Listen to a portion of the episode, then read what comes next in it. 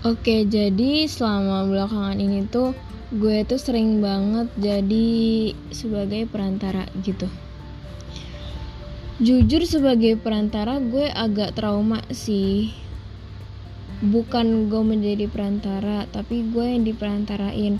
Karena dulu SMP tuh kalau misalkan waktu itu dulu kan gue emang kayak cewek gengsinya tuh melebihi tembok Dubai yang tinggi banget itu loh. Apa sih namanya tower yang tinggi? Ya itulah Burj Khalifa ya yang lebih itu. Nah akhirnya gue punya part partner punya perantara kan. Terus um, ternyata si perantara ini juga punya niatan mau deketin mau deketin cowok yang ini sama gue. Jadi jatuhnya cowoknya suka sama gue guanya sebenarnya suka tapi gue gengsi banget gitu.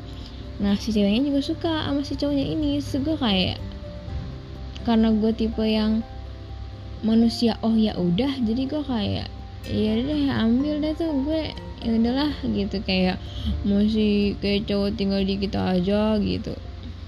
Nah ketika gue beranjak kuliah gue mau ngalami hal yang serupa jujur gue takut banget sumpah menjadi perantara tuh.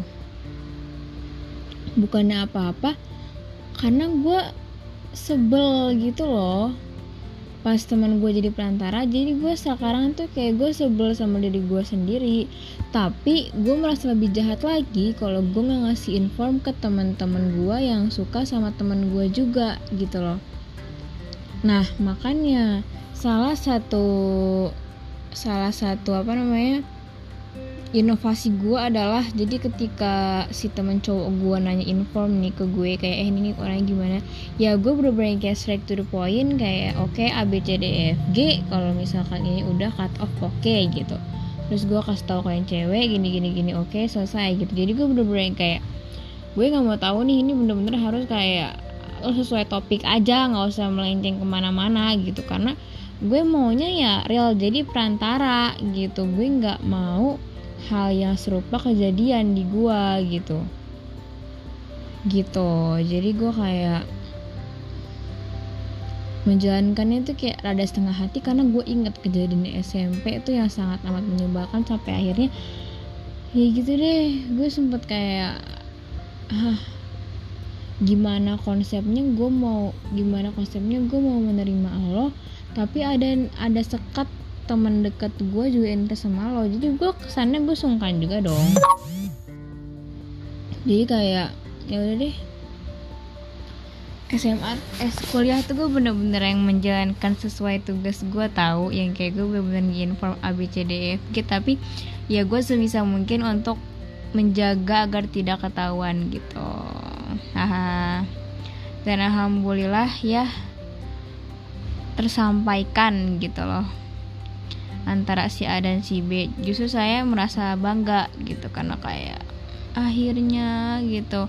Karena jujur nggak gampang loh usaha mendekati tuh kayak lo nggak deketin orang tuh wah gue appreciate banget sih sama di zaman sekarang tuh gue melihat kayak spek-spek orang usaha tuh menipis ya jadi ketika gue melihat teman-teman gue ada yang